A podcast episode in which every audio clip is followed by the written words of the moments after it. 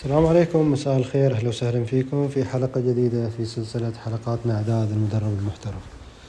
اليوم إن شاء الله راح نتكلم بشكل مقتضب وفي خلاصه صغيرة عن كيف الواحد ممكن يبدأ presentation. طبعا بداية ال presentation كمقدمة تعتبر جزء لا يتجزأ من أي حديث، إحنا في أي موقف من المواقف نبغى لما نبغى نبدأ أو لما نحاول نفتح موضوع أو نفتح سالفة يا شخص قدامنا خلينا نقول فتحة الباب هذه هي المقدمة. عشان أنت تخلي الشخص اللي قدامك يلتفت الك ففي عدة طرق يعني ما في طريقة واحدة حتى تفتح فيها موضوع أو تقدر تقدم فيها مقدمة. ولكن إحنا الآن في هذه في هذا المقطع بالتحديد نبغى نتكلم عن أسهل طريق ممكن الواحد يتبع حتى آه، يقدم مقدمة أو حتى يفتتح موضوع. تقول خلال مثلا أنا أضرب مثال. آه، مثلا مساء الخير أو صباح الخير أو السلام عليكم خلال الخمس دقائق الجاية أو خلال العشر دقائق الجاية أو خلال نص. آه، نص ساعة الجاية راح أتكلم عن الموضوع الفلاني. تحط العنوان الموضوع. ولا من خلاله راح مثلا نجيب عن أو نحاول نحل مشكلة فلانية.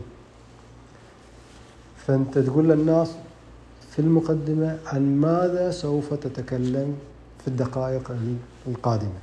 هذا أسهل طريق.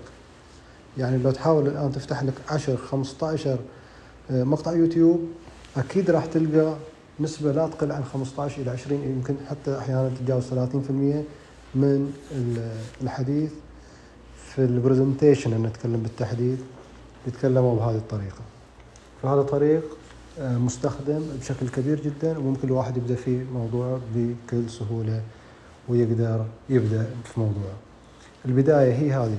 تعتبر أحيانا نقطة الانطلاق إذا بديت بشكل جيد بتقدر تواصل في عدة طرق نترك لها المجال إلى أو نترك الكلام عنها إلى مقاطع ثانية. مثل القصة مثلا مثل تبدأ بدراسة مثل تبدأ بمشكلة مثلا.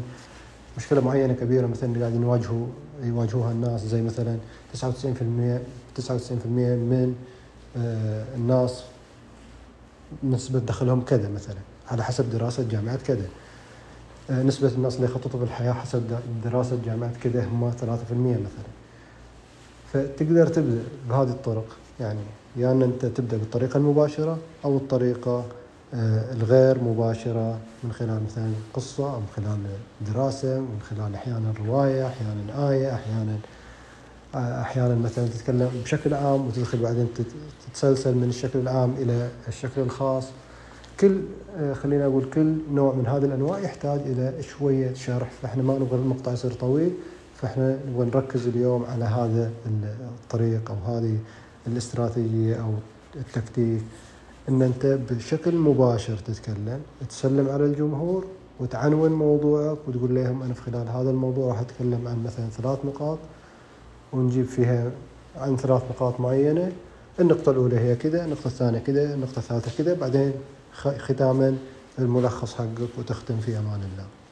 فأتمنى إن هذه الفكرة تكون واضحة وبسيطة ولا تنسوا إن أنتم تطبقوها حتى تبدأوا تتمرسوا وتتمكنوا منها وتضيفوا إلى أداة من أدوات التدريب في التول بوكس حقكم ونشوفكم في مقطع جاي وتحياتي في أمان الله.